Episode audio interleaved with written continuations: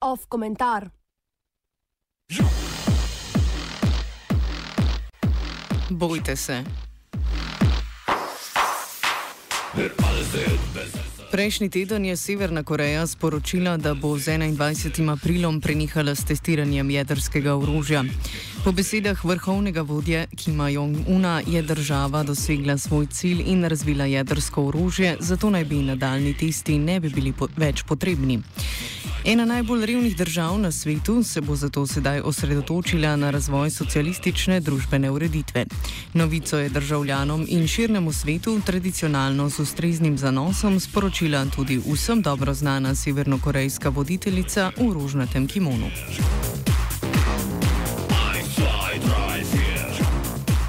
Na odločitev Severne Koreje so se nemudoma odzvali predstavniki vidnih igralcev na mednarodnem parketu. Ti so enoglasno pozdravili odločitev države in napredek pri njenem postopnem razor razoroževanju, a obenem svarili, da bodo potek dogodkov pozorno spremljali. Sosedi Japonska in Južna Koreja sta opozorili še, da nikjer niso bile omenjene rakete kratkega dosega, ki lahko dosežejo obe državi. Velika večina oziroma skoraj vsi odzivi so svojo pot v medije našli prek družbenega omrežja Twitter. Ravno Twitter je bil konec prejšnjega leta prizorišče besednega spopada med Kimom in glavnim svetovnim Twitterašem, ameriškim predsednikom Donaldom Trumpom. Ta je Kima med drugim označil za Rocketmana in se spraševal, ali nima početi nič boljšega, kot da izstreljuje rakete. Severnokorejski voditelj pri izbiri žaljivk ni zaostajal in je Trumpa označil za starega norca.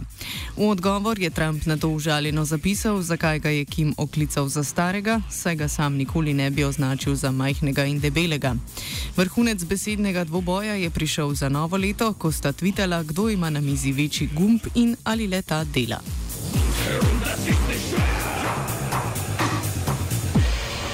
Gledano za nazaj je bil celoten obračun precej smešen. Kim in Trump sta spominjala na otroka, ki se v peskovniku prepirata, ko mu je mama kupila lepšo igračo in ki ne izključujeta možnosti, da bosta en drugemu za vrat stresla pesek. Šlo je za velike besede, ki jim razumljivo niso sledile dejanja. Jasno je, da bo besedno obračunavanje dveh predsednikov deležno pozornosti, to da mediji bi lahko v njunih tvitih poročali drugače in jih označili za to, kar dejansko so - otroči in nesramni. Temu ni bilo tako. Vsak tvit je bil v velikih velikih svetovnih medijih, pospremljen s komentarji strokovnjakov za mednarodne odnose in odnose s Severno Korejo, ter s komentarji splošnih strokovnjakov za vsa področja, ki jih ne primankuje. Ti niso skoparili z opozorili. Tako smo lahko slišali, da je spopad možen, da sta oba človeka nepredvidljiva in zato nevarna. Stavek, ki ga lahko vsakodnevno slišimo zvečer na eni od slovenskih televizij in sicer, da ni vseeno, kdo kaj reče, gotovo drži. Če bi iste besede na nedeljskem pikniku med z alkoholom začinjeno debato slišali od soseda Rudija, za katerega vemo, da je nagnjen k pretiravanju, jih ne bi jemali resno. Enaka opozorila profesorja na ugledni univerzi, ki je svoje celo življenje posvetil odnosom med Severno in Južno Korejo, pa lahko vodijo v preplah. Dodatno so paniko povzročala poročila, da so nekatere države prebivalcem svetovale, kaj storiti v primeru jedrskega napada. Jedrska vojna je bila tako na vidiku in glavni sovražnik je postala Severna Koreja. Von Zeit Economy. Zgodba o severno-korejskem jedrskem programu ni nova, spremenil se je le odnos do nje. Severna Koreja je tradicionalno veljala za svetovnega posebneža, ki smo se mu kot vsakemu posebnežu prizanesljivo nasmihali. V svet so tako prišli posnetki, kako otroci igrajo na harmoniko, kako ob pogledu na vrhovnega vodjo vsi prisotni začnejo jokati, šlo naj bi za solze sreče in kako Kima obišče njegov dober prijatelj Denis Rodman, še en posebnež. Na račun Severne Koreje sta se bolj ali manj posrečeno šalila avtorja filma Intervju, posnetih je bilo nekaj bolj ali manj poučnih dokumentarcev. Tudi razvoj jedrskega orožja nas ni pretirano skrbel, saj smo imeli pred očmi stalno prizore sohljatih inženirjev, ki ob uspešni strelitvi rakete veselo skakljajo in ploskajo, ter pri tem delujejo skrajno nenevarno. Mediji so nam sporočali, da se iz Severne Koreje lahko norčujemo in da ne predstavlja grožnje, zato je kot take do lanskega leta in obračunavanja prek Twitterja nismo jemali. Tako hitro kot je Severna Koreja postala največji svetovni problem, je to prenehala biti. Po nekaj mesecih bolj ali manj umetne napetosti je Trump marca spet, spet prek Twitterja sporočil veselo novico, da se bo sestal s Kimom. Svetovna javnost si je tako lahko oddahnila, saj sovražnika ni bilo več. Ponovno smo postali varni, vojne ne bo.